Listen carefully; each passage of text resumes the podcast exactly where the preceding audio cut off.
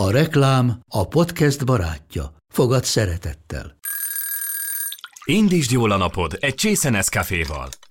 Élvezd minden reggel a gondosan pörkölt kávészemek telt ízvilágát, az Európában 100%-ban felelős forrásból származó kávéból készült Nescafé klasszikkal. Tudj meg többet fenntarthatósági törekvéseinkről a nescafé.hu oldalon. Nescafé. Új lehetőség minden csészében. Ez reklám volt, jó volt. Nők. De micsoda nők? Nők, akik maradandót alkottak. Nők, akik beírták magukat a történelembe. Nők, akiknek nem volt egyszerű életük. Nők, akik nem adták fel. Nők, akik nem érték be az elég jóval. Nők, akik nem törődtek bele a nembe. És a nemüknek szánt sorsba. Nők, akik változást hoztak. Nők. De micsoda nők. Micsoda nők voltak. Az Éva magazin podcast műsora. Budai Lottival És Zubor Rozival. 25. rész, Nők a nőkért, második rész. Olympe de Gouges követelte a halálbüntetés eltörlését, a vállás lehető bétételét, törvénytelen születésű gyermekek jogainak védelmét, felvázolt egy olyan anya és gyermekvédelmi rendszert, ami gyakorlatilag ma is működik Európában. Biztos, hogy van, aki ízék kitolt. Nem, egyszerűen egy ember, aki empatikus volt, aki látta, hogy mi történik, és jobb, jobb, jobb, jobb körülményeket akart. És egyébként ez az, amit mondtál, hogy amikor egy nők kapnak egy kis levegőt, akkor mennyi mindenki tud szabadulni Igen. belőlük. Betty Friedan ezek a háziasszonyok nem tudták maguknak megfogalmazni, hogy mi a probléma, mert hát ugye a propaganda lényeg az volt, hogy neked így kell boldognak lenned, és mindenki boldognak tűnt, és nők egymásnak se vallották be, hogy ők így nem boldogok, mert akkor azt hitték, hogy velük van a baj, hogy ők nem teljesedtek ki a nőiességükben, hogy ők nem boldogak a tökéletes nő szereplében. És épp ezért nevezte Betty Friedenben a nőiesség kultuszában neve nincs problémának ezt a dolgot. Ő szabadított fel minket, mert az, amit ő így elindított ennek a könyvnek a megírásával, hogy hello, mi nekünk megint át lett mosva az agyunk, és megint elfelejtjük, hogy mi nekünk más szerepek is jutnak ebben az életben, az anyafeleség asszonyon kívül, jár így újra ráébresztette a nőket. Évszázadonként kb. egy-két olyan nőről beszélünk, érted, a több milliárd nőből, uh-huh. aki, aki, aki él, és hogy csak egy-kettőnek jutott el odáig a szava, hogy, hogy azt most 2023-ban elérjük még, és megtaláljuk, és nem elégették, amit leírtam, hogy rögtön megölték. Mennyit hallgattathattak el? Akik beszéltek, még azokat se ismerjük. Igen. Ugye, úgyhogy, de ezért beszélünk róla. Így van, így van, így van. Egy adással ezelőtt ígértük, hogy folytatjuk a Nők a Nőkért sorozatot, olyan nőkkel, akik elsők, meg úttörök voltak a nőkért folytatott harcban, és hagyjáruljak el nektek egy kulisszatitkot, mert kicsit mosolyogtam Lottinak a jegyzeteit átfutva, ugyanis azt kell tudni, hogy a Lotti mindig előre átküldi, hogy miről fog majd beszélgetni, meg miről fogunk beszélgetni, és boldolja, vagy nagybetűvel emelik ki azokat a részeket, aminek ilyen nagyon nyomatékot szeretne adni. De most ebben a szövegben szerintem hát a 30% a nagybetűvel, vagy boldolva, vagy aláhúzva van, Jaj, vagy mindegyik tényleg. is. Elég sok minden, szóval, hogy elég sok minden fontos dologról fog beszélni, tényleg fontos dolgokról. Én egyébként úgy gondolom, hogy szerintem Szerintem bátran mondhatom azt, hogy a Micsoda Nők voltak történelmében ez az egyik legfontosabb adásunk lesz. Egyrészt a nők miatt, másrészt meg azok miatt, a dolgok miatt, amik amiket beleírtál, hogy szeretnénk érinteni. Szerintem nagyon-nagyon fontos dolgokat fogunk megpiszkálni, amik nem csak a múltban, hanem a mai napon is nagyon fontosak. Úgyhogy nagyon remélem, hogy szeretni fogjátok, és nem közfelháborodást fog nyújtani, hanem meg fogjátok az egészbe hallani azt, amit meg kell hallanotok. És azért reméljük, hogy élveztétek a nőnapot. És senki nem köszönte meg nektek, hogy kiszolgáljátok a férfiakat. De ezért azt is reméljük, hogyha mégis virágot kaptak, akkor nem vágta senki se a nem, párjához. Nem, nem. Igen, és hát egyébként meg akik nem hallgatták valamiért az előző részt, csak ebből botlanak bele, annak ugye szeretnénk elmondani, hogy a nőtörténelem nagy feministait azért kezdtük el bemutatni pont nőnapon, ugye most négy nőről beszélünk összesen, mert hogy valahogy elfelejtettük, hogy annak idején valahol a 20. század első felében ezt azért hozták létre ezt a napot, hogy emlékezzünk azokra a hétköznapi nőkre, akik sokat tettek azért, hogy a nők egyenjogú tagélesnek a társadalomnak. És ugye ez egy kicsit átalakult egy ilyen köszönetnyilvánítással, sok áldozatért, és ott megint nem látszik, hogy idézői leszek a kezemmel, amit ugye a nők hoznak, és, és én ezt azért tartom káros megközelítésnek, mert pont, hogy arra ösztönzi a nőket, hogy hozzanak még több áldozatot, amikor pont az lenne a lényeg, hogy, hogy a nők végre elhiggyék, hogy, hogy ők nem azért vannak itt ezen a földön, hogy a saját igényeikről lemondjanak mások javára. Így van. Nagyon sokat gondolkoztam, így az adás, meg, meg minden ilyen dolog kapcsán, hogy tényleg mennyire fontos ezeket a sztorikat újra-újra fölhozni, pláne egy olyan világban, amikor pont úgy azt szeretnénk elnyomni, hogy mindenki önmaga legyen, hogy olyan dolgot merjünk csinálni, ami belülről jön, mert hogy olyan kis tucatnak akar mindenki tudni mm. minket, és hogy szerintem ennek a két nőnek a példája, meg a koruk is nagyon a, a, arra ösztönözhet mindenkit, titeket, hallgatókat is, hogy bármilyen apró dologra érzitek, hogy változást igényel, akár hogyha a ti egyéni életetekkel kapcsolatban.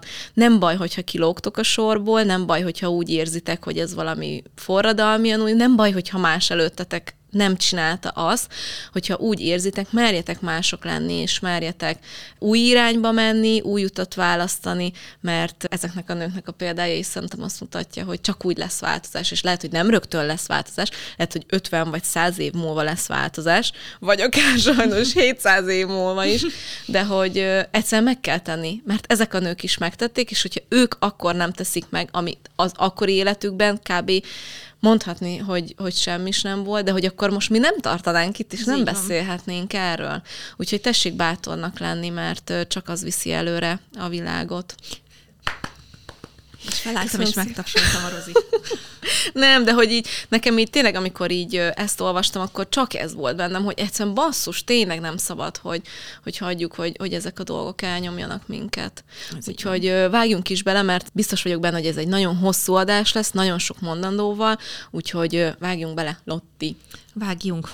Kezdjük akkor Olymp de Gouge-zal, akit Lotti nagyon kedvesen ebbe a már említett jegyzetébe le is írt nekem egy mosolygós fejecske, hogy hogy kell kiejteni a nevét, mert hogy én nem hallottam róla, és el tudom képzelni, hogy sokak sem, pedig, pedig nagyon is kellene, és Lottinak az egyik kedvenc területéről érkezik ő. Igen, ez a, ezt a területet szerintem úgy is megnevezhetnénk, hogy a meg nem tartott történelemórák egyikéről, ugyanis ahogy már az előző részben említettünk, itt most egy kicsit a francia forradalomról fogunk beszélni, aminek emlékeim szerint elég sok tanórát szenteltünk a gimnáziumban, és én imádtam a történelmet, és sokat is foglalkoztam vele, de emlékszem, hogy nekem is nagy fejtörést okozott, hogy ott kifonjam az eseményeket, hogy most akkor labdaházi eskü, hegypártmocsár, ide vonulunk, oda vonulunk, jön a terror, és hogy ez így hogy jött az egyik esemény a másikból, viszont a rengeteg tanóra közöpette sem hangzott el az az egy kivéve szócska. Gondolok arra, hogy amikor a tanárunk magyarázta, hogy a francia forradalom idején egyenlő jogokat követeltek minden embernek,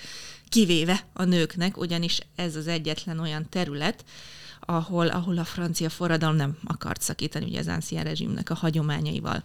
Pedig alakulhatott volna ez másként is, és itt van az első nagybetűs kiemelés, ugyanis a nők nagyon aktív részvevői voltak a francia forradalomnak, amiről egyébként szintén keveset hallunk. Ráadásul ez volt az első olyan eset, amikor nők egyáltalán ennyire elkezdtek aktívan politizálni. Ennek több eleme is volt. Egyrészt voltak ezek az úgynevezett zsúrnék, amik hát ilyen felvonulások, demonstrációk, még főleg a békésekre utalunk ezekkel a szavakkal, aminek ugye rendszeres résztvevői voltak. Ennek volt a leghíresebb példája az asszonyok menet, amikor az éhező nők Párizsból, Versaillesba vonultak, és arra kényszerítették a királyt, hogy költözön vissza Párizsba és rendezze a élelmiszerválságot, illetve a forradalom elején a nők adtak be petíciókat a királyhoz, később a nemzetgyűléshez, alakítottak politikai klubokat, amik ilyen nevekre hallgattak, hogy a Republikánus Forradalmi Polgárnők Klubja, Alkotmánybarátnőinek Társasága, Igazságbarátnőinek Hazafias Jótékonysági Társasága, a Jogbarátnői, és így tovább. Igazából mondhatjuk, hogy ők voltak az első olyan feministák, ideértve a velük nagyjából egy időben tevékenykedő Mary Wollstonecraftot is, akik politizáltak, mert például ugye korábban Christine de Pizem vagy más korai feministák általában egy-egy területre fókuszáltak, ahol azonos jogot akartak a nőknek szerezni, például az oktatás területén, vagy befolyásos gondolkodókat, filozófusokat akartak meggyőzni, hogy kezdjenek el gondolkozni, a, vagy foglalkozni az úgynevezett nőkérdéssel, ugye erről a Quarel de is beszéltünk. De hogy ez volt az első eset, amikor nők a napi politikával kezdtek el foglalkozni, és ez talán a 60-as, 70-es évek Amerikájában lett ennyire jellemző újra. És azzal is tisztában kell lennünk, hogy Ugye a kolostorok, rendházak, apácrendek feloszlatásával nagyon sok olyan jótékonysági es, szervezet esett ki a társadalom vérkeringéséből, a helyét aztán a nők, illetve ilyen női jótékonysági egyletek váltották át. Ugye a élelmiszer hiányban küzdő nagyvárosok ellátásában is nagyon fontos szerepet vállaltak a nők, és emellett ismerünk például nőket, akik kifejezetten kimentek a harctérre harcolni, erről közülük csak egy-egy ilyen nagyobb név maradt fent, tehát azért ez nem volt egy általános jelenség, de az, hogy mondjuk egy Madame Roland mondjuk a férje révén politizált, illetve egyes nők saját maguk is politikai szónokká avanzsáltak, tehát politikai vezetőként léptek fel és viselkedtek, az nagyon is gyakori volt. Egy darabig és emellett egyébként eszmei szempontból is lett volna esély hogy a francia forradalom egy nagy változást hozzon a nők számára, hiszen ugye olyan eszmékről, gondolatokról beszélünk, a szabadság, egyenlőség, testvérség, ami ezzel soha fel nem merült a történelem folyásában, ugye kivéve Amerikában, ahol ugye valamivel ezt megelőzőleg lefolyt egy hasonló eseménysorozat, és maguk a forradalmat megalapozó filozófusok, például Descartes is azt mondta, hogy az ész az független a testtől, tehát független a nemtől is, tehát mondhatjuk, hogy a rációnak vagy az észnek nincs neme, tehát egy nő éppen úgy képes arra, hogy magas szellemi szinten teljesítsen, mint egy férfi. És hát ebben a kezdeti szakaszban, amikor a nők még nagyon is aktívak lehettek a forradalom idején, tevékenykedett Olympe Gúzs is, illetve még nagyon sok más hasonló karakterű nő, akiket most nem fogunk tudni bemutatni. Olympe de Gouges, akiről azt lehet tudni, hogy, vagy ő hogy, hogy keveredik ebbe az egész uh-huh. dologba. Igen, ö, neki az életét nagyon röviden elmesélem. Ő egy polgári családba született, nagyon fiatalon hozzáment egy párizsi vendéglős, született tőle egy fia, korán megözvegyült, viszont Krisztin de Pizenhoz hasonlóan egyébként. Úgy döntött, hogy nem megy többé férjhez, pedig meg is kérte a kezét egy magasrangú felvilágosult udvari tisztségviselő, aki viszont a visszautás ellenére élete végig támogatta Olimpot anyagilag, aminek hála a említett hölgyünk így a párizsi szalonéletnek az aktív tagjává válhatott. Itt elkezdett írni, írt például színdarabokat. Egyébként, bocs, ide, hagyd szúrjam már be, hogyha mondjuk ezt egy férfi hallgatja, akkor biztos azt mondja, hogy mert biztos eltartotta, ja. és miért cserébe nem. Igen, azért azt tegyük hozzá, hogy mondjuk abban, hogy a korba egy polgári nő dolgozzon, azért olyan sok esélye nem volt, tehát... Hogy... Ergo, hogy pénzt Igen. keressen, de hogy érted, tehát hogy megint de csak nem az, tanult hogy... se szakmát, se mást, ezért olyan nagyon Igen. nem tudta volna Igen. saját magát eltartani, hogy mellette, mellette írjon, de jogos egyébként biztos, hogy ez, ez, ez biztos ezt fel valakinek. Volna. Úgyhogy szegénynek nem, nem, nem lett volna más választása, csak hogy... Ja, Bocs, hogy belét folytattam a szót. Csak nem, ez, nem, nem, ez teljesen jogos közbevetés volt.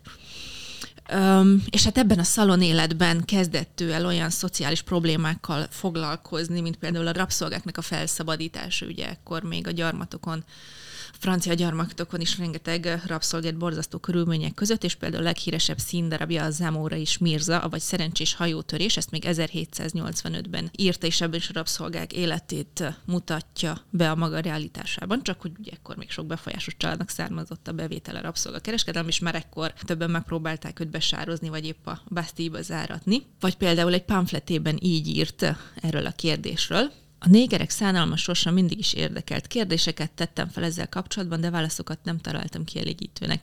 A megkérdezettek az ég által megátkozott vadaknak tartották őket, de érettebb fejjel világosan láttam, hogy az erőszak és előítéletek kényszerítették őket erre a borzalmas rabszolgasorsra, és hogy a természetnek ebben semmilyen része nem volt. A fehér emberek igazságtalansága és mindent elsöprő érdekei felelősek ezért egyedül. Tehát azért ebből is látható, hogy egy nagyon karakán asszony volt, aki kertelés nélkül tudta meg fogalmazni a mondandóját, később azért ez, ebből ugye lesznek majd problémái, mint látjuk. Viszont a forradalom kitörésével egyre nagyobb szerepet vállalt a politikában, eszéket, vitaoratokat, pamfleteket írt, ebben követelte a halálbüntetés eltörlését, a vállás lehető vétételét, törvénytelen születésű gyermekek jogainak védelmét. Volt egy olyan felvetés, hogy törjék le az egyházi esküvőt és helyettesítsék egy férfi és nő által aláírt szerződéssel. Felvázolt egy olyan anya és gyermekvédelmi rendszert, ami gyakorlatilag ma is működik Európában. Ez nagyon durva egyébként, Igen. hogy az 1700-as évekről beszél, nagyon durva. És egyébként ez, ez, ez nekem elképesztő Olimban is, meg Mary Wollstonecraft-ban is, meg Pizánban is, hogy így hogy jöttek olyan környezetüktől ennyire idegen gondolatok az eszükbe. Tehát én nem, tehát mint hogyha valami, ilyenkor szinte látom magam, hogy valami fény gyúl a fejükben, és így jönnek rá arra, hogy mi az igazságtalanság a világban, és hogy kéne csinálni, és így minden Féle Egyébként én biztos vagyok benne, hogy, hogy ezek a dolgok mindig ott voltak a, a nők fejében, meg mindig azért ö, annak ellenére is, hogy mondjuk egyébként gyerekkorukban nem voltak annyira olvasottak, tanultak, ezek biztos, hogy ott volt bennük, de pont azért lehetett mondjuk az, hogy, hogy annyira zárt körülmények közt éltek, hogy még csak véletlenül se lehessen az, hogy akkor ők megvitatják egymással, és akkor amikor nagy nehezen volt valaki, aki ki tudott rend, kerülni ebből a rendszerből, Igen. akkor ő azt mondta, hogy na, akkor én, én most nekem van lehetőségem, mert engem nem szabályoz az apám, a férjem, a nem tudom kicsodám, és akkor ő, ő volt mindig az az egy kiemel, de én, én biztos vagyok benne, hogy, hogy ez egyébként ott volt folyamatosan. Igen, ezt nagyon jól mondod, mert igazából akárkiről beszélünk, az valamilyen okból szinten tudott ön, önállóságot vagy függetlenséget kivívni, vagy, vagy kapott valami szerencse folytán az élettől. Igen. Szerintem a legtöbbet, aki tudod, így mondta volna, mert biztos vagyok benne, hogy nem csak ennyire kevés, mert egyébként is sokat szoktam gondolkodni, hogy így évszázadonként kb. egy-két olyan nőről beszélünk. Érted? A több milliárd nőből, uh-huh. aki, aki, aki él, és hogy csak egy-kettőnek jutott el odáig a szava, hogy, hogy azt most 2023-ban elérjük még, és megtaláljuk, és nem elégették, amit leírtam, hogy rögtön megölték. Szóval, hogy mennyit hallgattathattak el. Ez így van, és meg akik beszéltek, még azokat se ismerjük. Igen. Ugye, úgyhogy, de ezért beszélünk róla. Így van, így van, így van. Igen, és hát ez egyébként pont, pont ugye most így nézem ezt a felsorolást, azért az is elképesztő, hogy ez egy viszonylag jó módban élő független, és mégis az jutott eszébe először, hogy a legelesettebbekért, ugye a rabszolgákért, Igen. szegényekért, munkanélküliekért, törvénytelen gyerekekért nyúljon vissza, szóval, szóval szerintem ez egy nagyon, nagyon szép és, és említés érdemes dolog. Igen és hát szintén ebben a politikailag aktív időszakában egy évvel Mary Wollstonecraftnak az említett híres munkája előtt írta meg az Emberi és Polgárjogok Egyetemes nyilatkozata mintájára a női és polgárnői jogok nyilatkozatát, amelyben a nők számára követelt választójogot és egyenlő bánásmódot. A rapírat ilyen mondatokkal kezdődött. Férfi, Képes vagy az igazságosságra. Egy asszony kérdi ezt tőled, ezt a jogot mégsem tagadhatott meg tőle. Felej nekem, kiadott neked szuveré hatalmat arra, hogy elnyomd a nememet. Az erőd, a tehetséged? Lásd a teremtő bölcsességét, tekintsd át a természetet teljes nagyságában, amelyhez állítólag közeledni próbálsz, és mondj nekem, ha már csak egyetlen példát is a zsarnoki uralomra. Páristól Perúg, Japántól Rómáig szerintem nincs buthább állat a férfinál. Meg egyébként most bocs, hogy megint a szabadba vágok, de hogy ilyen hogy ilyen berögző dolgok jönnek elő belőlem, hogy, hogy vajon miért mondhatott ilyeneket, miközben egyébként özvegy volt, tehát hogy nem az volt, hogy volt egy bántalmazó férje, vagy egy zsarnok férje, vagy nem tudom, azt tudta mondani ennek a férfinak is, hogy nem megy hozzá, és az annak ellenére, tehát hogy me- megint csak az jön belőlem, hogy hú, biztos, hogy izé valami bunkó férfi jól elbánhatott vele, és, vele, és azért csinálta ezt, miközben meg nem feltétlenül, tehát hogy lehet, hogy csak jobb helyi akarta, egyenlőbb helyi akarta tenni a világot, de hogy milyen durva, nem, hogy, hogy én is ugye egy olyan korban nőttem föl, ahol, ahol egy ilyennél rögtön jönnek ezek a gondolatok, hogy biztos izé valakinek ezzel vissza Igen. akar vágni, mert valami olyan van benne, nem? Fú, és egyszer egyébként volt is egy szópárbajom egy olvasóval emiatt, vagy hát ilyen üzenetváltási párbajom, amikor nem tudom, megszólta az én valamire adott heves reakciómat,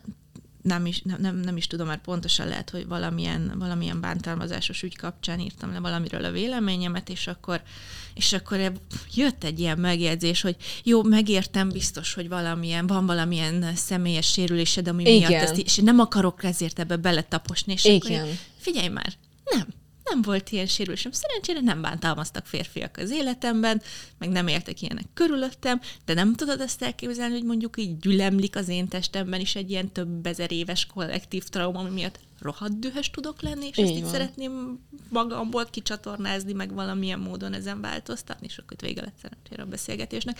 De ez is egy ilyen jellemző retorika, hogyha egy nő valami ellen felemeli a hangját, akkor egyből elkezdik borogatni, hogy jaj, te szegény, ez biztos azért van, mert, mert mintha egy nő csak is valamilyen személyes vagy elfogult indítatásból cselekedett, és nem azért, mert valamit meg akar változtatni. Na, ezt jó, hogy behoztam, mert akkor nem csak bennem élnek Nem. ezek a dolgok, de hogy csak megint ilyenkor így, így próbálom mindig kicsit kívülről hallgatni magunkat, és akkor ilyenkor mindig bennem van ez, hogy akkor őre mit, mert biztos, hogy van, aki ízé kitolt. Nem, egyszerűen egy ember, aki empatikus volt, aki látta, hogy mi történik, és jobb, jobb, jobb, jobb körülményeket akart. És egyébként ez az, amit mondtál, hogy amikor egy nők kapnak egy kis levegőt, akkor mennyi mindenki tud szabadulni Igen. Belőlük, és ez a, ezek a szavak, amiket ő használ, ezt nagyon sok más hozzá hasonlóan gondolkodó és politikailag aktív nő is használta, például egy Madame Roland is, tehát olyanok, akik a férjükkel nagyon jó egységben működtek mondjuk a forradalom alatt, mert azonosak voltak a nézeteik, és mind valahogy a nőkkel kapcsolatban mind olyan szavakat használnak, hogy boldogtalanság, kiszolgáltatottság. Nagyon sokan szólítsák őket, őket a rabszolgákhoz, ugye, akiknek ugye az abolíciója egy aktív téma volt ezekben az időkben, tehát hogy valamiféle ilyen kollektív boldogtalanság pukkant ki belőlük, akár csak az elődejékre, vagy sorstársaikra nézve is. Így van. Hogy visszatérjek ugye a történetünkhöz, ez a jó világ, hogy úgy mondjam, amikor így nők ilyen dolgokat követelhettek, ez nem tartott sokáig. Azt mondjuk hozzá kell tenni egyébként, és erről is annyira beszéltem volna, csak már nem tettem bele, mert tényleg nem fogom, nem lenne türelmetek meghallgatni, de hogy nagyon sok férfi gondolkodó volt még ekkoriban, akik kiállt mondjuk azért, hogy na, most akkor itt lenne ideje, hogy a nőket is hozzáengedjük a, a, az emberi jogokhoz és a polgári jogokhoz, és egyenrangúvé tegyük őket, illetve volt egy-két fejlemény, például, hogy a nőknek az örökösödési jogait a családon belül egy kicsit az ő számukra kedvezőbben rendezték, engedtek nőket tanúskodni a bíróságon. Később ezeknek a nagy részét visszavonták, de hogy az alapvető jogok kat, hogy választó és választhatóság például azon az alapon nem adták meg nekik, ami az ősöreg indok volt, hogy a nők nem racionális lények, ezért nem tudnának úgyse ezen a téren helytállni.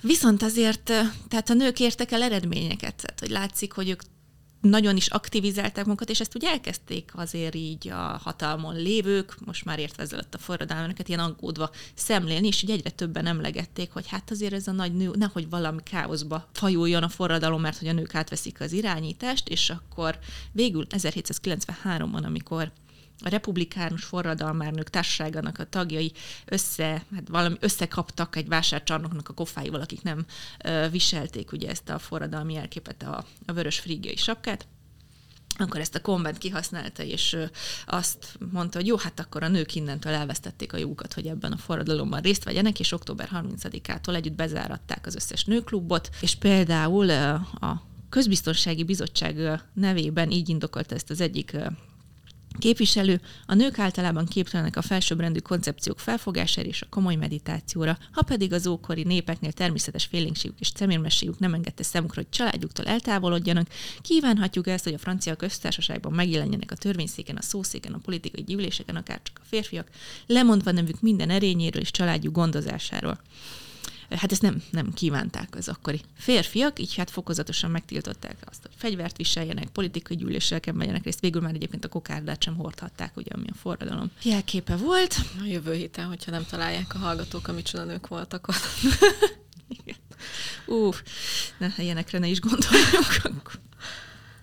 Akkor. Ne lepődjetek meg. Igen. Így, De azért, így a mondat végén. de azért, hogy, hogy fú, na De ez hát durva, majd, ez de, nagyon durva. De majd ez a következő nőnél fog kiderülni, hogy egyébként, tehát olyan dolgok Mennyire durva. történhetnek, meg mondjuk akár 10-20 év múlva, amit ma elképzelhetetlennek tartanak, de ezt majd így, tehát hogy miért kell réssel lenni, az majd a következő etapban kerül terítékre. Viszont a mi olim, olimpunk ezek ellen, a fejlemények ellen önmagához híven nagyon hangosan tiltakozott, és hát végül hát nem lesz annyira sajnos meglepetés a sorsa. 1793. augusztusában emeltek ellene vádat, és a tárgyaláson azt is megtagadták tőle, hogy ügyvédet fogadjon, így magát ö, védte és végül azon az alapon, hogy találtak az iratai közt egy színdarabot, amiben nem ír nagyon megvet, elég megvetően Mária Antoinette-ről hát forradalom ellenes tevékenységért halálra ítélték, és hát a beszámolók szerint bátran és méltóságát megőrizve hajtotta a fejét a nyaktiló alá. A Monitor, a köztársaság hivatalos lapja pedig így kommentált a kivégzését, államférfi akart lenni, és a törvény megbüntette ezt az összeesküvőt, amiért megfeledkezett a neméhez illő erényekről. Halála után egyébként még az emlékét is megpróbálták megjelezni, műveletlennek, meg gyengelméjűnek nevezték. Például egy Pierre Gaspar Sometta rendes asszonyokhoz címezve szavait így nyilatkozott róla. Emlékezzenek arra a férfias némberre, az arcátlan Olim de Gouge-ra. Önök utánozni akarják ezeket a némbereket? Nem. Önök csak akkor érzik magukat megbecsülésre érdemesnek, ha azt teszik, amire a természet elrendelte a nőket. Ez a fickó egyébként 94 áprilisában követte őt a vérpadra, szóval. Még annyit egyébként, hogy mi lett így a forradalom során annak a kivívott néhány női jognak a sorsa. Hát nagy részét eltörölték, és ugye jött utána Napóleon, akinek az idején megalkották a Cot Civilt, ezt a, a francia polgárjogi nagy törvénykönyvet, ami kb. a 20. század elejéig uralta a francia jogalkotást. Most olvastam, hogy egyébként Franciaországban 1938-ig joga volt egy férnek elolvasni a levele, nő felesége levelezését. Volt például ilyen, ilyen szabály, vagy jogi lehetőség, és hát a nőket ez a törvénykönyv jogképesség szempontjából a gyermekekkel, gyengelmiükkel és fegyencekkel tette egy kategóriába, és törvény rögzítette, hogy a nő engedelmességgel tartozik a férjének, akinek joga van azt mérsékelt erővel akár ki is kényszeríteni, és itt most megint egy zárójel, hogy a világ egyik legnagyobb nőgyűlölője, vagy hát legalábbis a legvérmesebb előítéletekkel a nőkkel szemben rendelkező alakja az amúgy Napóleon volt, aki így ilyeneket mondott, hogy és ezt nem én mondom egyébként, hanem a franciás egyenlőségi miniszter Elizabeth Moreno, ilyeneket mondott Napóleon, hogy az asszony úgy a férjéjé, mint az alma az alma fa tulajdonosáé. A társadalom teljesen rendezetlen lett volna, ha a nőket kivonják abból a függőségi állapotból, amelyben maradniuk kell. De hogy erről így azért, erről, tehát Napóleon kapcsán meg erről sem beszélünk, hogy ő mondjuk így ez a nőkkel szembeni előítélete, ez így a francia társadalom felére milyen hatással volt, csak így a, csak a háborúiról tanulunk. Na nem, mint hogy egyébként mondjuk a háború kapcsán tanultunk volna arról, hogy ez a nőkre milyen hatással volt egy-egy háború, mert ugye az nyomában járó éhezés, gazdasági válságot, illetve a harctéri erőszakot, azt ők szenvedték el. Nem, hát az, az a háború az addig tart, hogy a férfiak harcoltak. Nem? De. Hánytól hányig? Hánytól hányig, igen. Hánytól hányig uralkodott, hánytól hányig harcoltak. Nagyjából igen. ilyen ez a, ki a király és ki nyert. És jó, hogy ez, most, most azt el kell mondanom, hogy egyébként másik kedvenc ellenérve ellenem a rend, patriarchális rendszer múltját védő férfiaknak, hogy de hát, hogy azért ez mégiscsak így volt igazságos, hogy a nők ezt csináltak a férfiak, azt, mert hát a férfiak vívták a háborúkat. Mondom, hát édes öregem, tehát hogy kezdjük úgy, hogy azért régen a háború az úgy nézett ki, hogy egy-két ezer ember mind a két oldalról, főleg királyi hadseregekből kivonult, jól összeverték egymást, és aki győzött, az győzött, ez más kérdés, hogy ezért általában letaroltak néhány falut, várost, ahol mondjuk nőket erőszakoltak. Egy, kettő, kirobbantottak ki ezeket a háborúkat. Az nagyon rendes tőlük, hogyha már kirobbantották a háborúkat, megvívták őket, és be is fejezték. És akkor ilyenkor szokták mondani, de hát ott van mondjuk egy Kleopátra, meg egy Viktória, meg egy Mária Terézi, és akkor én elmagyarázom, hogy nagyon jó Mária Terézia kb. csak azért háborúzott, mert megtámadták ők a férfiak, mert azt gondolták, hogy nem tudja megvédeni a saját országát. Viktória körül meg egy alkotmányos uralkodó volt, aki azt sem tudta, hogy egyébként éppen kiellenek, nem ez túlzás, de hát, hogy nem volt beleszólása abba, hogy most háborút vívnak-e, vagy nem. Kleopátra idején az a háború pedig nem is az övé volt, hanem Marcus Antoniusé, meg, a, ja. meg az Octavianusé, akik igazából csak az ő hadseregét használták fel erre, szóval, hogy na, mindegy.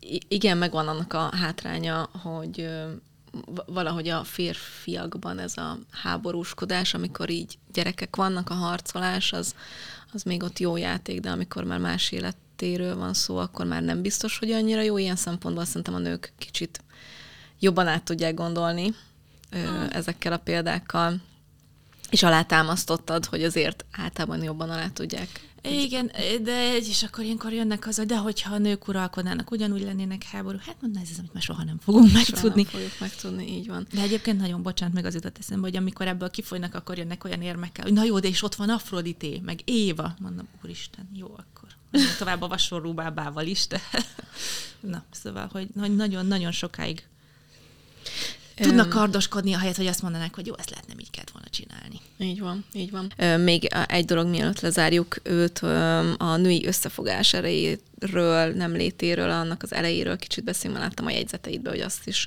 Ja, igen, jó hogy, jó, hogy mondod. Olim munkásságának van egy olyan eleme, ami számunkra ma így, hát szinte, hogy a legtanulságosabb lehet. Egy színdarabjában a nőkről vagy a nőtársairól egyéb ezt írta. A nők önmaguk legnagyobb ellenségei ritkán tapsolják meg egymás munkáját, jó cselekedeteit, illetve a női és polgári jogok nyilatkozatának utószavában ezt írta. Lányok, asszonyok, nem lenne itt az ideje, hogy forradalmat csináljunk magunk között, vagy továbbra is csak plegykálkodni fogunk, és egymás sorsán szánakozni? És ezt azért írta, mert valószínűleg nagyon is jól tudta, hogy mekkora ereje van a női összefogásnak, és ezt valószínűleg azok is tudták, akik 93-tól elkezdték kiebrudálni a nőket a forradalomból, mert hogyha azért ez egy nagyobb hatásfokot ér el, akkor az elképesztő dolgokra képes, és ezt fogjuk majd látni a következő részben. És egyébként az az igazság, hogy én ezt látom magunk körül, vagy nem tudom, te hogy ezt vagy ezzel. Én is csak megerősíteni tudom, és ezért is örülök, hogy behoztad, mert hogy en, ennek hihetetlen nagy fontossága van, hogy erről beszéljünk, hogy ne a, már a csúnyán elnevezett cica harcot nyomjuk, hanem hogy támogassuk és segítsük egymást, mert csak abból lesz kézzel fogható valami. Igen, és ennek egyre több példáját látom, vagy hogy egyre több ilyen női odafordulás, vagy találkozok olyan nőkkel, akikkel így az első gondolatunk, hogy na, akkor hogy segítsük egymást abból, amit éppen csinálunk, és és azért erre, hogyha egyszer majd rájönnek, hogy mekkora ereje van, vagy hogy ez már így alakul nők között, na én akkor tartok attól, hogy jönni fog egy újabb ilyen, nem tudom, propaganda harc azért, hogy így felejtsük el azokat a szerepeket, amiket szeretnénk felölteni a hagyományosokon kívül, amilyenről majd most fogunk beszélni. Betty Friedan kapcsán. Betty Friedan, akit te is írtál, hogy te is a Mrs. Amerikából uh-huh. ismered, és én is ott találkoztam vele, ami szerintem egyébként egy zseniális sorozat, hogyha bárki nem látta, akkor egyrészt Irgun Burgun, másrészt azonnal nézzétek meg, mert ez zseniális sorozat. A egyik kedvenc sorozatom a mai napig a Mrs. America, és egyébként annak köszönhetem, hogy rájöttem, hogy a második kedvenc kor a 20-as évek Párizsa után, amikor szívesen élnék, az a 60-as, 70-es éveknek az Amerikája, mert hogy, tehát, hogy ott mutatkozik, hogy a női összefogásnak tényleg milyen elképesztő ereje Igen. Tud lenni. Bár nem volt könnyű dolguk azoknak, nem. akik ezzel szerettek volna szembe menni. Pont emiatt az összefogás miatt. Igen, mert, hogy nő hogy az egy dolog, hogy a férfiakkal szembe kellett menni, de hogy a nőkkel is szembe kellett Igen, menni. hogy, hogy a, a női egyenjogúsági mozgalomnak, nagyon röviden, akinek nem látta. Egyébként ez arról szól, hogy azért harcoltak akkoriban a nők, hogy alkotmányban vegyék, hogy férfiak és nők egyenlőek, ez volt a és ezzel ellen a bizonyítós alkotmány módosítás ellen egy nagyon nagy mozgalomba kezdett egy nő, úgyhogy gondoljunk Olim de Guzsra, amikor azt mondta, hogy milyen fontos a női összefogás. De hát az a lényeg egyébként, hogy mm, ez a bizonyos Betty Friedan volt az, aki ezt az úgynevezett második hullámos feminizmust elindította, vagy hát őt tartják így gyakorlatilag a szülőanyjának, aki ezt azzal indította el, hogy írt egy könyvet. 1963-ban ez volt az a könyv, hát 63-ban nálunk két-három éve jelent meg először, azt hiszem lefordítva magyarul, angolul a Feminine Mystic nőiesség misztikuma címet viseli, magyarul a nőiesség kultusza címet kapta egyébként, ami szerintem teljesen megfelelő, majd rá is fogunk térni, hogy mit jelent az ő könyvében ez a bizonyos nőiesség kultusz. Viszont egy kicsit mindenképp kell beszélgetni azokról az időkről, amikor ő ezt írta. Ugye ezt ő 63-ban írta meg, de elsősorban így az 50-es évek re reflektálva ö, alkotta meg, és hát ugye az 50-es évek Amerikájáról nem tudom ki mennyit tud, hogyha valaki látta az órák vagy a Mona Lisa mosolya ö, című filmet, akkor, akkor tudhatja, vagy esetleg, hogyha látott akkoriból származó tudom, mémeket, vagy reklámokat, vagy hasonló képeket, ennek korszaknak a nőkre nézve legmeghatározó beleme az volt, hogy egy ilyen elképesztően nagy hadjárat indult azért, hogy a nők minél hamarabb térjenek vissza a konyhába, és rájöjjenek, hogy ők nem akarják semmi másnak szentelni az életüket, mint a háztartásvezetésnek, gyereknevelésnek és a férjük támogatásának. Urán! Igen. és hogy ebbe, tehát ebbe benne volt a, a kormány, a média, az újságok, szociológusok, pszichológusok, ilyen hatalmas nevek, tehát például eh, ott van Margaret Mead, egy elképesztően zseniális szociológus, antropológus, ő mondta egyébként azt, hogy a civilizáció első jele az, hogyha találnak egy olyan csontot, ami össze van forva.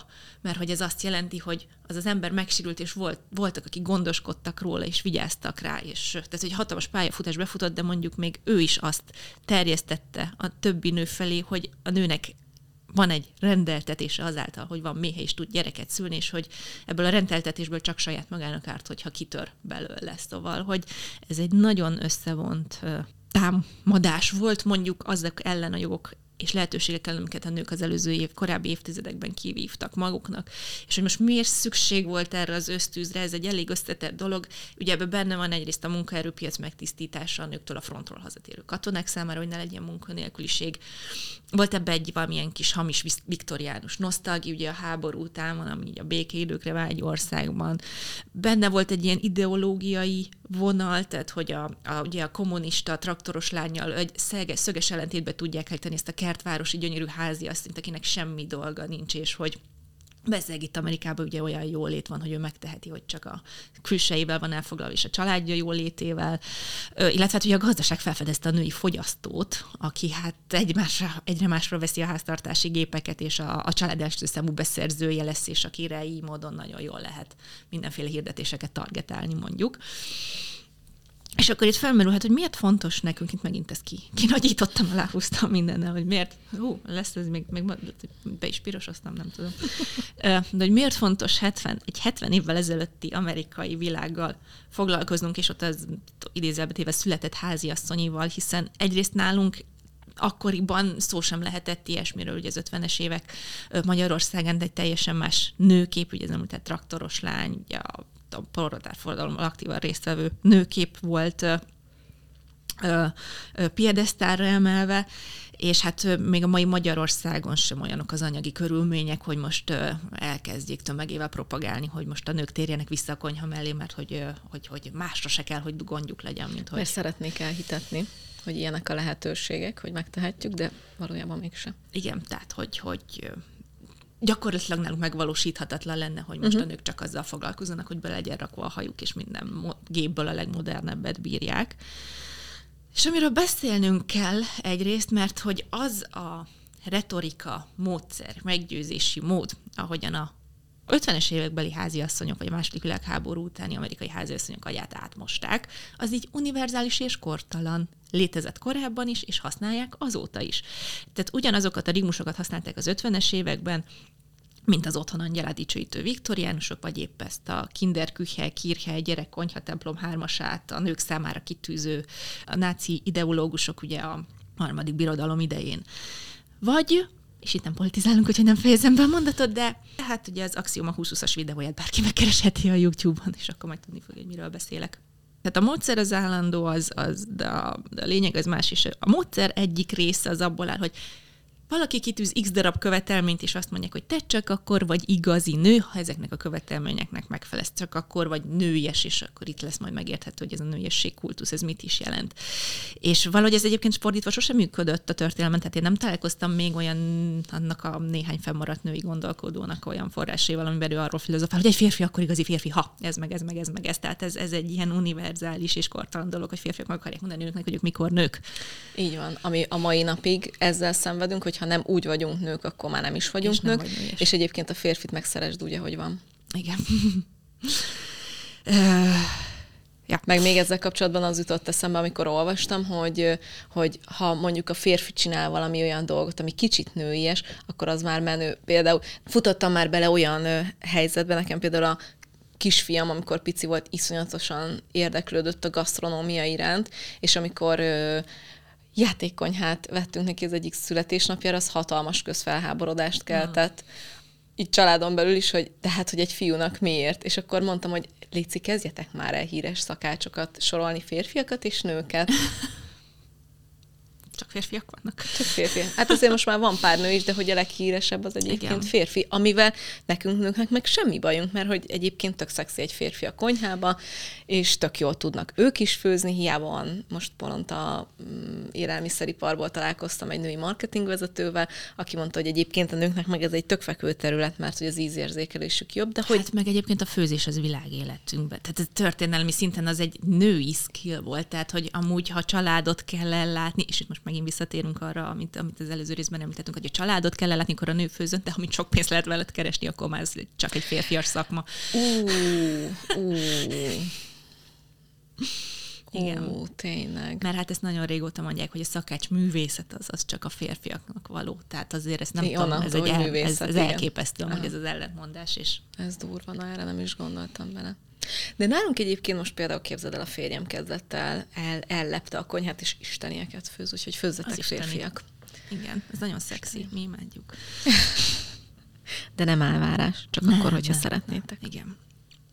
Aj, bocs, mindig elviszem a fókuszt, de hogy ezt muszáj voltam belehozni, mert hogy ez annyira fontos, hogy tényleg az van, hogy hogy a nő, nőnél megvan, hogy mit, hogy én egyszer nem rottam fel a férjemnek, hogy nem tud egy polcot fölfúrni a falra másfél éve, mióta ott lakunk. Majd Nem, tehát, hogy igen, tehát hogy ezt felejtsük már el, hogy egy kinek mit kell, meg kellene, ezt a kell, kellene szót a nemekkel kapcsolatban, ezt itt töröljük már ki, mert, mert az se fel, hogyha egy férfit azért szégyenítenek meg, mert nem, nem tudom, hendi. Ja. Most idegen szót használjak rá, vagy nem, nem, nem, nem egy barkács művész, vagy hasonlók. Ja. Egy dolog változott egyébként ebben a retorikában, amiről azt mondtuk, hogy univerzális és kortalan, és itt volt egy ilyen csavarás, tehát, hogy mondjuk az általam imádott Russzó, vagy az általam imádott viktoriánus kor idején, ugye az volt a nők helyükön tartására az indok, hogy a nő biológiai tulajdonságai miatt determinált, tehát hogy az a tény, hogy van méhe és képes gyereket szülni, az azzal jár, hogy sem testi, sem szellemi szinten nem tud más lenni, mint anya és feleség, tehát nem érdemes sem szellemileg, sem morálisan őt képezni, vagy számára új utakat keresni, mert úgysem fog neki sikerülni, és hogy ezekből a tulajdonságaiból kifolyólag, hogy ő így az otthon négy falak közé szorítja az ő biológiai determináltsága, ezért ő védtelen marad, gyerekes marad, életképtelen marad, folyamatosan támogatásra fog szorulni. Na most ezt a 20. század Amerikájában megfordították, és azt mondták, hogy ezek a gonosz régiek, viktoriánusok, russzóik, stb. lenézték a nőket, amiért őket a gyerekszülés képessége így ilyen létre kárhoztatja, csak hogy mi rájöttünk, hogy ez az anya-feleség háziasszony szerep, hogy erre ők determinál vannak, ez nem egy lenézendő dolog, hanem a legcsodálatosabb dolog, ami egy nővel történhet, és most meg kell őket ünnepelni, amiért ők itt vannak, és gondoskodnak rólunk, és támogatják a mert hát a férfi nem lehetne olyan sikeres és a külvilágban, hát ha nincs mögötte egy ilyen nő, és akkor ezt kezdték el, tehát úgy kezdték el ezt állni, hogy régen azt mondták, hogy a nő azért ne keressen a hagyományostól eltérő szerepeket maga sámára, mert úgyse képes rá, most pedig azért ne keressen új szerepeket, mert a klasszikus szerepeknél jobb, vele úgy sem történhet. Tehát az a legjobb dolog, ami egy nővel történt, hogy neki nem kell dolgozni, hanem otthon ülőt támogatják, ő meg támogatja a férjét, és itt a történet így kerek, és hogy ez egy ilyen, tehát hogy ebb, ez, ez, ez folyt a médiából, a filme, ilyen, ilyen témájúak voltak a filmek, a korabeli hirdetések, magazinok, tehát, a, tehát ugye Betty Friedan maga is dolgozott korábban újságírónél, tehát ő tudta, hogy mi zajlott ott egy 50-es évek, amikor egy női magazinnak a szerkesztőségében is, hogy csak olyan sztorikat lehetett berakni,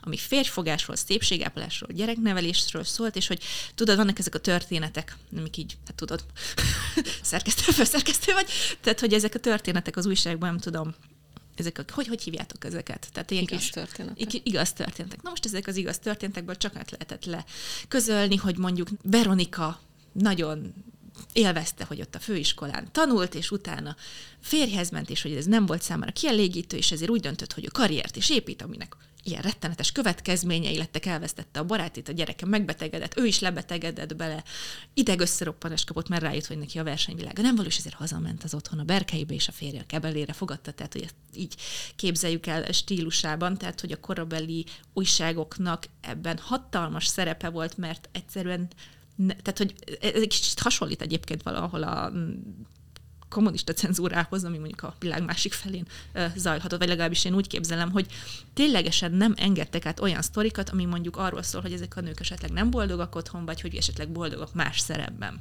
Igen, a mindenkori sajtónak szerintem iszonyatosan nagy felelőssége van, és ezt kiegészíteném jelenkorunkban az influencerekkel is, mert hogy egyszerűen nagyon sok mindenkinél látom, hogy, hogy nem, nem fogják föl, nem vagy nem, nem tudom, hogy felfogják de nem, talán jobb azt gondolni, hogy nem fogják föl, hogy mekkora ö, hatalom van azzal a kezükben, hogy azt elhitetik idézőjelben átlagos hétköznapi nőkkel, amit ők mutatnak, hogy az jó, hogy egy pillanatkép az az ő életük, hogy az úgy jó, ahogy van, és nagyon fontos ö, Pont a múlt héten ventiláltam ki, hogy például itt van egy TikTok. A TikTokkal semmi probléma nincs, hogyha jó dologra használjuk a magazinokkal, semmi baj nincs, hogyha jó dologra használjuk az influencerekkel, ugyanez.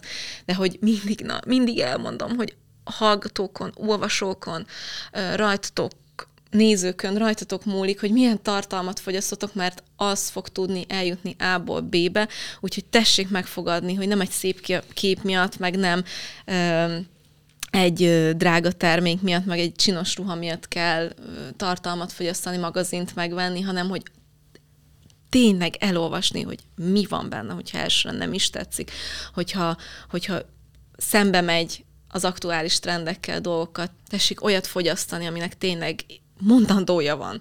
Bocsánat, hogy csak ez, ezt ilyen annyira Most fontosnak tartom. És ma Rozi is forradalmár. Ma nagyon forradalmár hangulatban vagyok, és hogy a múlt, múltkori adásban már beszéltünk a Szendrei Júliáról, és hogy belegondolsz, hogy őnek is ez volt szerencsétlennek, hogy ott volt egy tök nagy tehetség, és neki is gyerekmeséket kellett fordítania, meg családi lapokba kellett írnia, mert hogy nem lehetett, hiába volt bazi tehetséges, nem írhatott arról, amiről ő igazán akart, mert ő nő volt, meg ő nem úgy nyithatta ki a száját, és most jönnek elő azok a versei, amit tényleg egyébként mondanak mm. valamit. Most nem arról van szó, a gyerekeiről szóló versei is gyönyörűek, csak hogy ott sokkal több volt benne.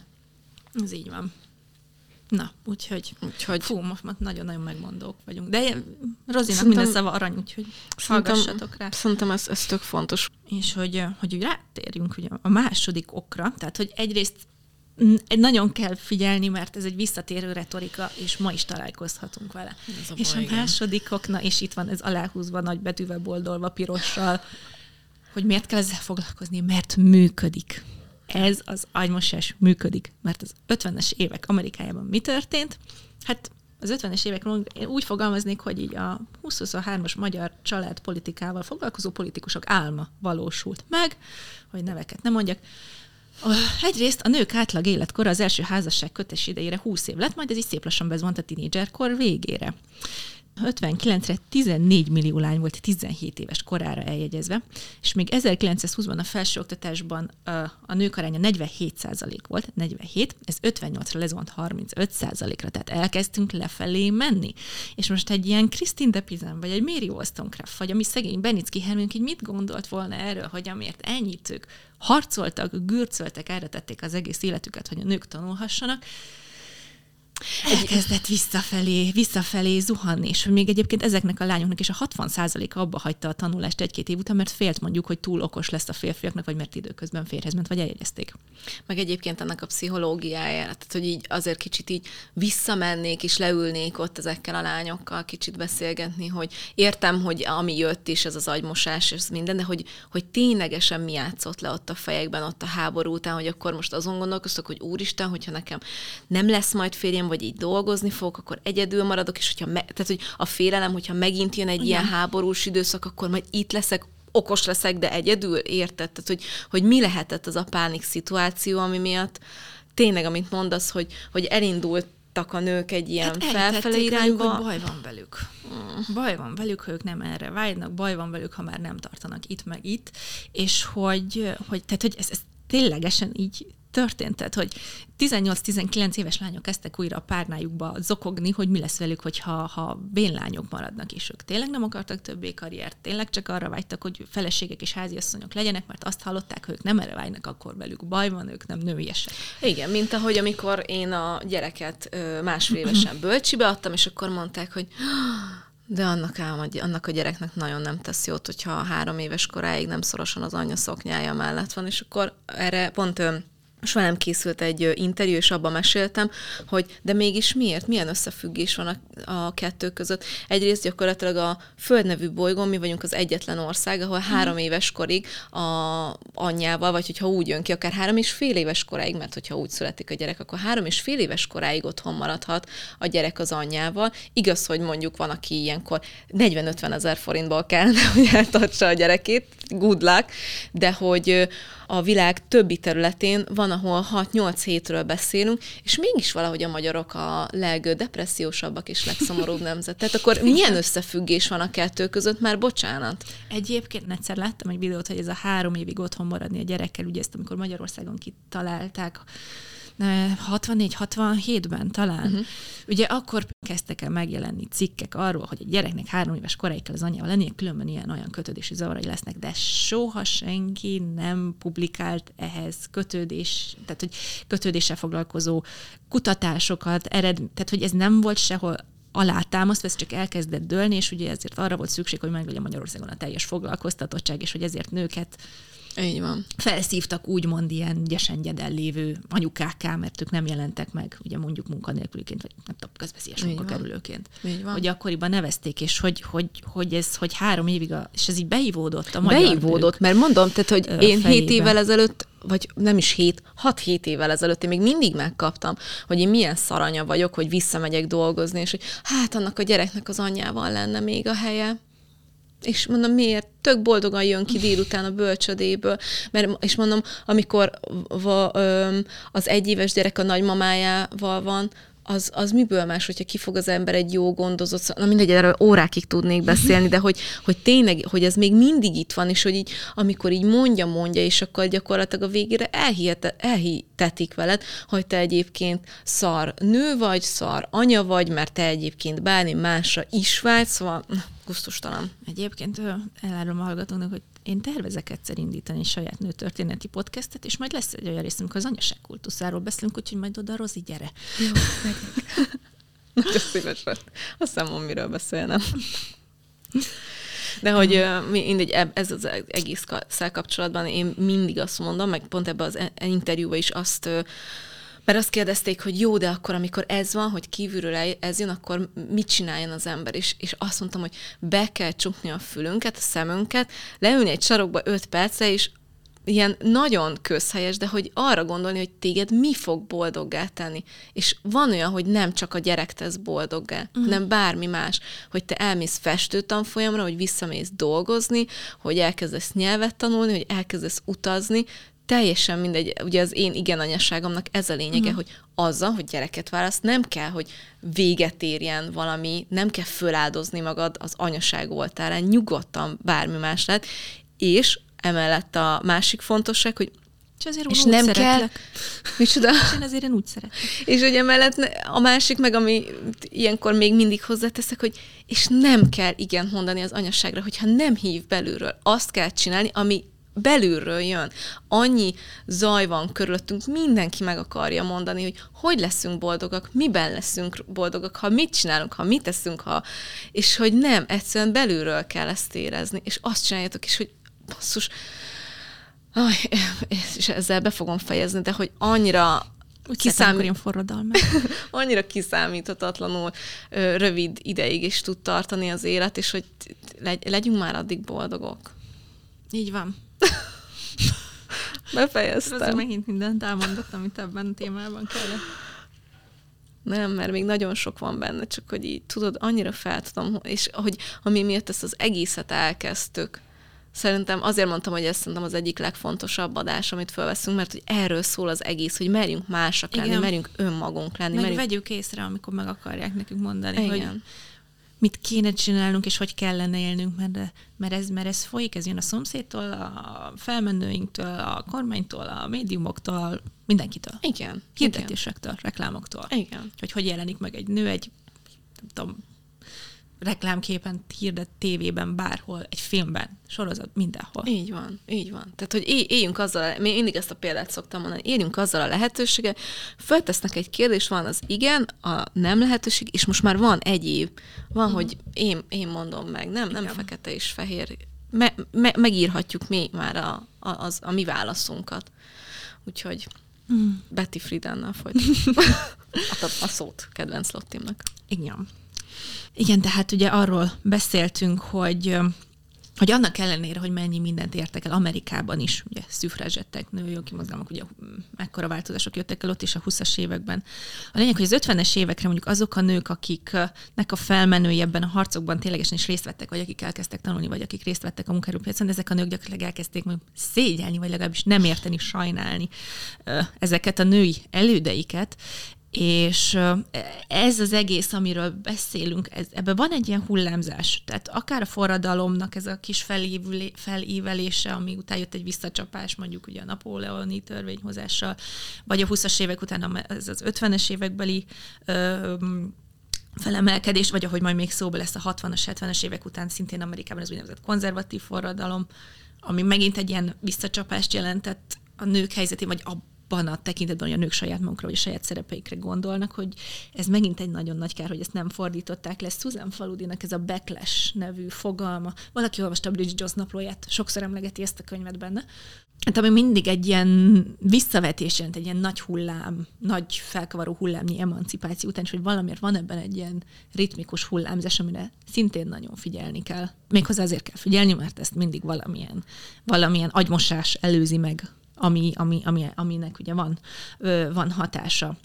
És ami az 50-es évek Amerikájában még azt okozta egyébként a nőknek, hogy ők egyszerűen ne önmagukról gondolsz, gondolkodjanak, ne, ne magukról, mint önálló lényekről, hanem hogy valakinek mindig ugye a viszonylatában, valakinek a felesége, valakinek az anyja legyen.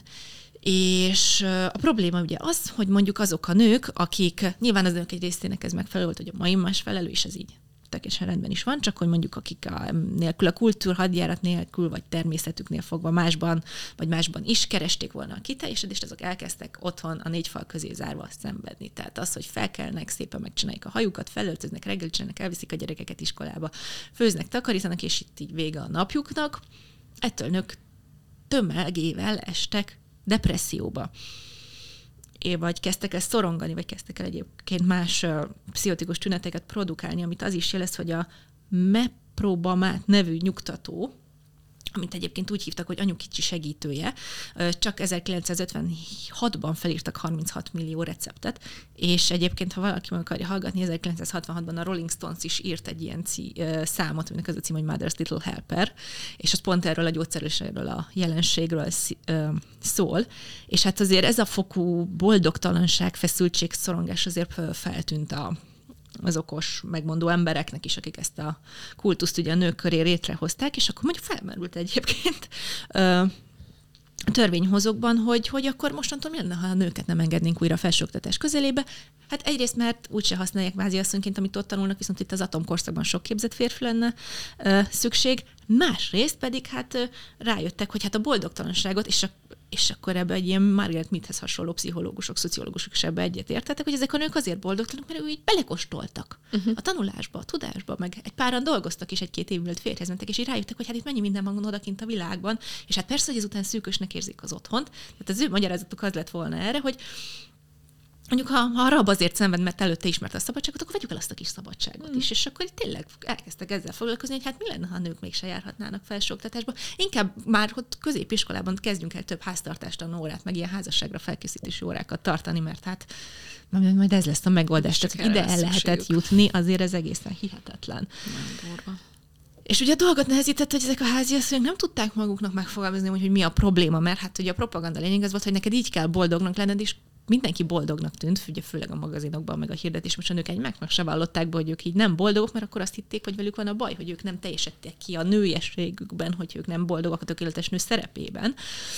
És épp ezért nevezte Betty Frieden a ebben a nőiesség kultuszában, neve nincs problémának a magyar fordításban ezt a dolgot. És Frieden nagyon jól tudta, hogy miről beszél, mert egyrészt neki az anyukája újságíró volt, aki a gyerekei születésével, a férjekérésére felhagyott a munkájával, és ez őt egész életében frusztrálta, ami Friedennek egy ilyen visszatérő ö, eleme a, a munkája során, ő úgy fogalmazott, hogy az ő keze vezette, miközben írta a könyvét, és hát ő egyébként pszichológiát végzett, és ő is újságíróként kezdett el dolgozni.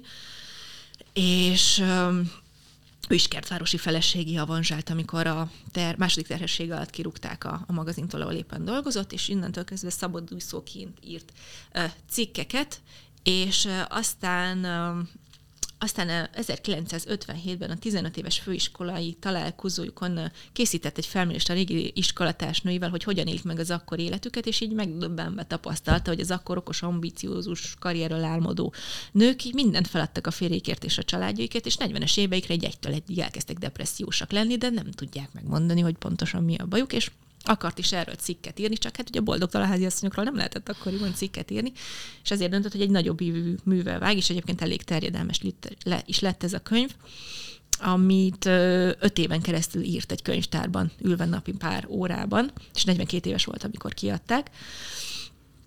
És hát ez a könyv, ez így nők millióinak hozott megváltást, tehát hogy ezt mi most innen tényleg nem tudjuk felfogni, de az, hogy ők leírva olvasták, hogy figyú, nem veled van a baj, hanem ezzel a rendszerrel, amit a számodra kitaláltak, ami nem működik. Ez egy hatalmas megkönnyebbülést okozott, és, és tényleg, és a Mrs. Amerikában is ugye azt hiszem a, a Gloria Steinemet, az egyik ideálom egyébként, megformáló színésznő mondja is, hogy ő szabadított fel minket, mint hogy Betty Friedenre gondolt. Tehát az, amit ő így elindított ennek a könyvnek a megírásával, hogy hello, mi nekünk megint át lett mosva az agyunk, és megint elfelejtjük, hogy mi nekünk más szerepek is jutnak ebben az életben az anyafeleség háziasszonyon kívül. Jár így újra ráébresztette a nőket, és hogy és egyébként később 66-ban ő a támogatóival az ő hotelszobájában alapította meg a, a, a NOUT, ami egy, egy ilyen rövidítés, ez a National Organization of Women, ami egyébként ugye a rövidítés az, hogy most, vagy azt jelenti magyarul a rövidítés, hogy most. Tehát ő egy nagyon aktív politikai szereplő lett, és hogy ők ezzel az, tehát ők ezt a NOUT, ezt egy ilyen igazi politikai tényezővé formálták, amit át tudtak verni dolgokat egyszerűen az amerikai kongresszuson például azt is, hogy fogadja el az amerikai kongresszus ezt a IRA-nek nevezték, ez az ERA, a nemek egyenlőségét kimondó alkotmánymódosítás lett volna, amit ugye el is fogadott mindaz a képviselő, ez mind a szenátus, csak ahhoz, hogy az érvénybe lépjen, x darab államnak ratifikálni kellett volna, és ez nagyon szépen el is indult, amikor jött egy Phyllis Schlafly nevezetű, egyébként hadgyerekes, konzervatív háziasszony, hogy atompolitikai szakértő volt, és könyveket is írt a témában, de ő politikai tőkére vágyott, és egyszer csak rájött, hogy ő ezt ilyen hatalmas tömeget tudna mozgósítani azokból, akik mondjuk megrémülnek ettől a nőjogi ö, mozgalomtól, és ő indított ennek egy ilyen ellenforradalmat, de hát ez most már nézzétek majd meg a sorozatban. Nagyon, nagyon megrázó. És egy sorozatban nagyon sok olyan esemény van, amikor így tényleg nők összegyűltek, és, és maratont futottak, és összegyűltek 60 ezeren egy, egy, egy csarnokban, hogy megbeszéljék, megszavazzák, hogy milyen, milyen javaslatokat vigyenek a kongresszus elé, vagy a, vagy a demokrata pártnak a, programjába, és az egyik ilyen volt, amit Betty Frieden szervezett 1970-ben a nők békért és egyenlőségért nevezető tüntetést, amire így a szervezőket is meglep elment 50 ezer nő, és a rendőrök így folyamatosan próbálták így visszaszorítani a nőket a járdára, hogy ne akadályozzák a forgalmat, és akkor, akkor Friedennek a kezdeményezésére karoltak egymásba, és kezdtek ilyen sorokban bonnetelni, és ezzel nem tudtak mit csinálni a hm. rendőrök, és ezek olyan megható képek. De tényleg ilyenkor, de nem, amikor nézegettem most ezeket a képeket, én így majdnem elsírtam magam ezeket nézve, mert így olyan erős szimbólum. Tehát amikor egy nők karba-karba öltve menetelnek, az nem tud mit csinálni a karhatalom. Igen. És hogy még egy kicsit egyébként a könyvről beszéljek, tehát ebben azért nagyon sok mindennel mm, foglalkozik Betty Frieden, foglalkozik, tehát pszichológus volt, tehát nagyon sokat foglalkozik, hogy mondjuk Freudnak a nőképe és az, amit ő tanított, ugye az 50-es évek analitikusainak, hogy akkor na, fél Amerika analízisbe jár, de mindenkinek ugyanazt tolták, és hogy ennek milyen nagy hatása volt arra, hogy a nőket látták. Kritizálta azokat a pszichológusokat, akik mondjuk a boldogtalan háziasszonyoknak a problémának a gyökerének a feltárása helyett nyugtatókkal kezdték el őket tömni, illetve hát egyáltalán, hogy ez a nőiség kultusz az, hogy egy nő attól lesz nőies, hogy megelégszik a támogató szereppel, hogy takarításmániás, hogy akkor felel meg a nő ennek a kultusznak, hogyha nem vágyik többre a támogató feleség szerepénél, hogyha nem akar más lenni, mint anya és háziasszony, hogyha mindig csinos, hogyha hogyha ha örömét leli a takarásban, hogyha rendes, és egyébként írtam is egy cikket erről, hogyha mostanában ment ki, úgyhogy ha gondoljátok meg, lehet keresni, ami pont arról szól, hogy miért frusztrál minket nőket annyira, hogyha rendetlenség van otthon is, mert ez is része volt egyébként a kultusznak, hogy akkor vagy nő, hogyha te rendes vagy, és takaros, és minden rendben van otthon. És hát ugye ezt a retorikát ma is tolják, és egyébként én is elég gyakran találkozom azzal, hogy mert nem szülök gyereket, ezért nem vagyok nőies, vagy hogy nem tudom, mert nem akarok férhez menni, ezért itt vala, vala, nekem van valami elakadás, és egyébként tudod, milyen sokan mondják azt, hogy és nem akarsz ezzel terápiára menni? Nem mondod. De, hogy akkor ez, ez, ez, ez valami olyan hiba, amit ki kell kezeltetni magamból, és hogy majd akkor igazi nő leszek, ha. És amit még el akartam mondani, hogy még valami, és ezt, ezt szintén a könyvnek talán lehet, hogy az előszavában, amit magyarul írtak hozzá, ott olvastam, hogy azért kell még nagyon résre lennünk, mert ez a nőiesség kultusz ez egyébként nem tűnt el, és még akkor is, hogyha most jelenleg más formát öltött, mint a berakott hajú, hasleszorított hordó háziasszony, aki a ragyogó mosolyjal takarít, attól még létezik, csak hogy átalakult szépségkultuszá. Tehát, hogyha megnézzük, ahogyan és amilyen erőkkel tolták annak idén, hogy az az igaz idő, aki most fővassal takarít, és nagyon boldog attól, hogy háziasszony és gyereket nevel, ma akkor vagy igazi nő, hogyha tökéletes vagy, kívül lehetőleg, mert egyébként ma ebből van pénz, és ez is arra ösztönzi a nőket, hogy ne azzal foglalkozzanak, hogy milyen új szerepeket tölthetnének be a társadalomba. Illetve a férfiaknak is nagyon kedvére van. És ráadelsul fiatal nő, mert hogy én ezzel Igen. is találkoztam pont most frissen és sajtótájékoztatón, hogy megöregedni se szabad. Tehát, hogy örökké 20 éves fiatal nő legyél. Igen. És szüljél hatot. Úgyhogy, ja, igen. igen. És uh-huh. öm, egyébként ezzel igen, kapcsolatban igen, csak egy pillanatra hagy érintsem azt, hogy most egyébként az elmúlt két adásban négy olyan feministáról beszéltünk, akiknek gyerekeik is voltak, és férjük is. Tehát, hogy mert hogy szerintem ez egy ilyen tök fontos tévhit, hogy ha feminista, akkor rövidhajú, testesebb és leszbikus. És férfias és férfias, és utálja a férfiakat. Uh-huh. Szóval, hogy, és beszéljünk már arról, csak egy pár mondat elejéig itt a végén, hogy szó sincs erről. Tehát, hogy, hogy nem a, a, a sértettség, a dű, a bármilyen szól belőle, hanem hogy az, hogy nyitva volt a szeme, és észrevett olyan dolgokat, amit sajnos sokan nem. Igen, és azt hiszem egyébként, hogy elvált, uh-huh. és fú, van is ebből, van is egy jelenet, ami hisz Amerikában, amikor uh, már említett uh, uh, negatív főhőssel vitába szállnak, és ő meg pont azt használja fel ellene, hogy. Uh-huh. És akkor azzal kezdi el felhetszelni, hogy biztos azért gyűlöli a férjezett boldog nőket, mert őt meg elhagyták. Uh-huh. Na, tessék, így Úgyhogy igen. És, de egyébként most, hogy még ez a leszbikusság szóba jött, hogy, tehát, hogy azért az így a teljes képhez hozzátartozik, hogy ugye nagyon sok nő tartott őt így a, a megváltójának és a vezetőjének is nagyon hálásak voltak, és hálásak a mai napig nekik sok nő, de hogy azért ugye érte őt egyébként sok kritika. Részben ez egy nem teljesen tisztázott dolog, hogy ő például így mondjuk a nőjogi mozgalomban leszbikusokat nem akarta hát nem is az, hogy nem akarta sokáig bevenni, de nem akarta annyira propagálni az ő törekvéseiket.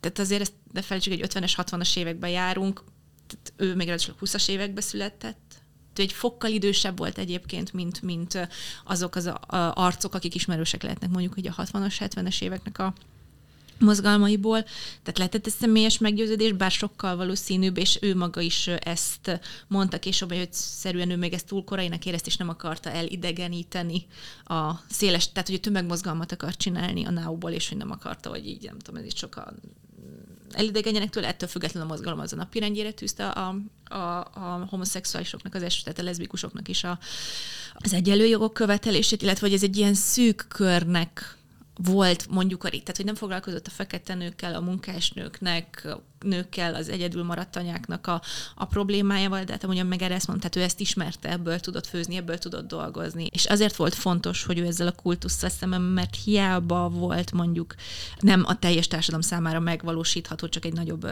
szegmense számára megvalósítható ideálkép, ezek a felülről megfogalmazott kultuszok mindig gördülnek lefelé is, tehát hogy lejjebb is éreztetik a hatásokat, lefelé annál nagyobb, annál nagyobb frusztráció lesz a nő, minél kevésbé tud ő ezért az anyagi vagy más körülményei miatt megfelelni. Így van. Hát nem tudom elmondani, hogy mennyire imádtam ezt a mai adást, meg közben kicsit nem is, mert nyilván nem jó ilyen dolgokról beszélni, de nagyon-nagyon szépen köszönöm. Én köszönöm. És hogyha jövő héten nem találjátok meg ezt az adást, akkor írjatok nekem, nekem meg lesz. Nagyon köszönjük, hogy meghallgattatok minket ezúttal is. És vigyétek a hírét, és két hét múlva találkozunk. Sziasztok! Sziasztok!